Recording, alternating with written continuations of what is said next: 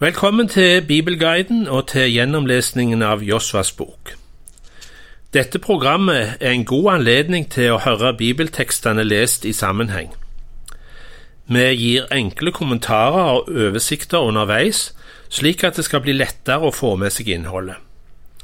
I Josvas bok fra Det gamle testamentet hører vi om hvordan israelsfolket etter 40 års vandring i ørkenen nå inntar det lovede land og er under ledelse av Josva.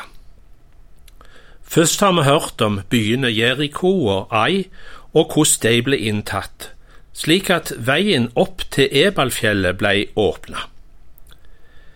Og på Ebalfjellet ble det første alter bygd, og loven gitt med Moses ble lest opp. Moseloven er grunnloven som den nye nasjonen skulle bygge på, og det var viktig at den var kjent for alle, slik at de kunne leve rett som Guds utvalgte folk. Nå skal vi lese om hvordan landet ble inntatt imot sør, og i de områdene som annet Jerusalem og Betlehem ligger. Det er kapittel 9 og 10 som forteller om dette, og igjen, dette er krigshistorie, fra ei tid da han kjempa med datidens voldsomme metoder og strategier.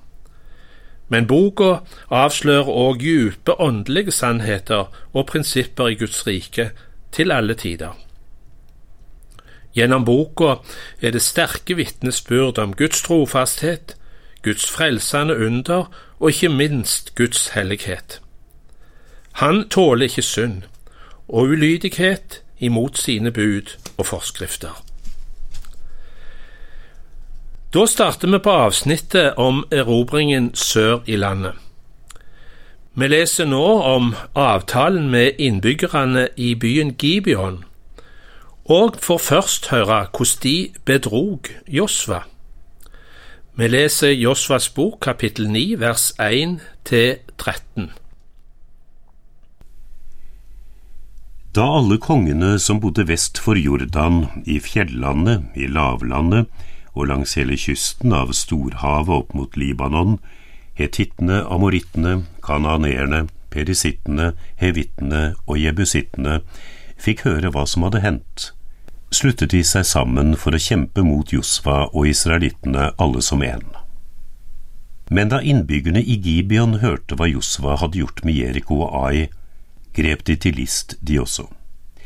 De gikk av sted og provianterte og på eslene sine la de utslitte kløvsekker og utslitte vinsekker som var både sprukket og lappet.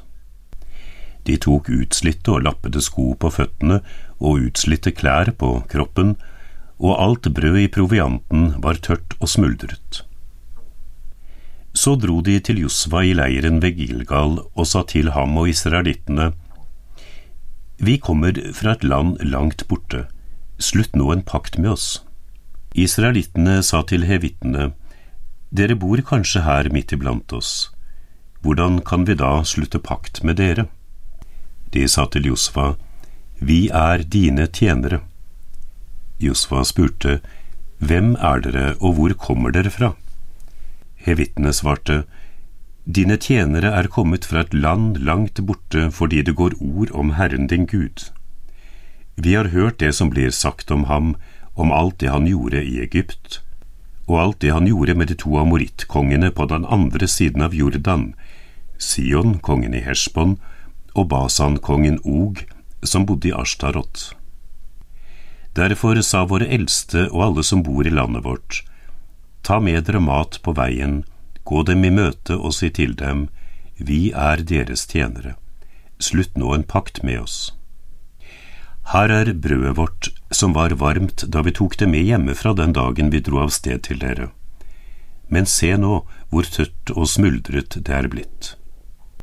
Her er vinsekkene våre, som var nye da vi fylte dem, men se, nå er de sprukne. Og her ser dere klærne og skoene våre slitt ut på den lange reisen. Josva og israelittene lot seg lure og de spurte ikke Herren til råds. De handla på egen hånd denne gangen og inngikk en pakt med Gibeon. I versene 14 27 i kapittel 9 kan vi lese om hvordan lureriet ble oppdaga, og hvordan gibonittene ble tjenere i Guds hus. Mennene tok fra provianten deres, men de spurte ikke Herren til råds.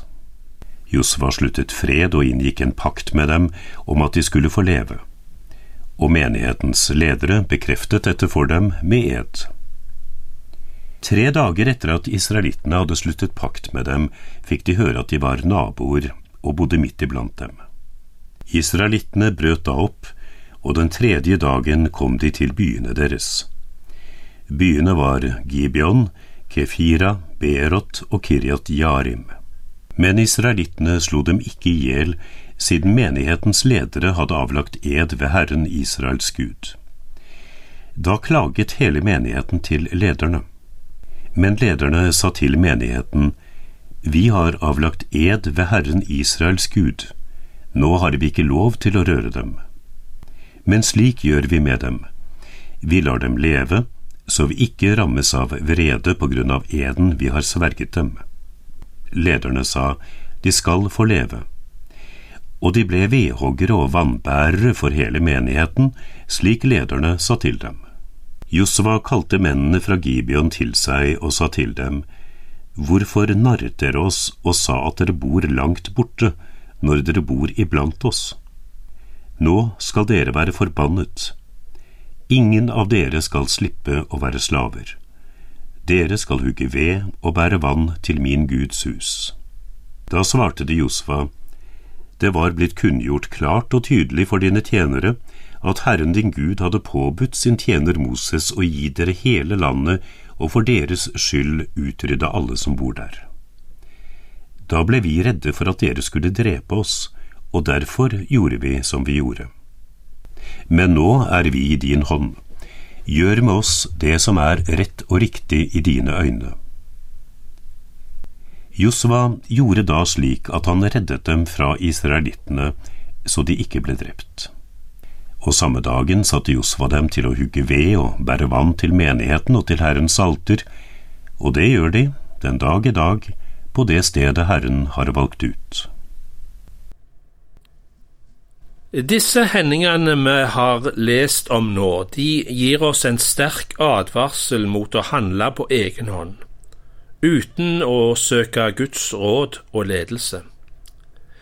Men de er òg et vitnesbyrd om hvordan den som tror, blir tatt imot i nåde.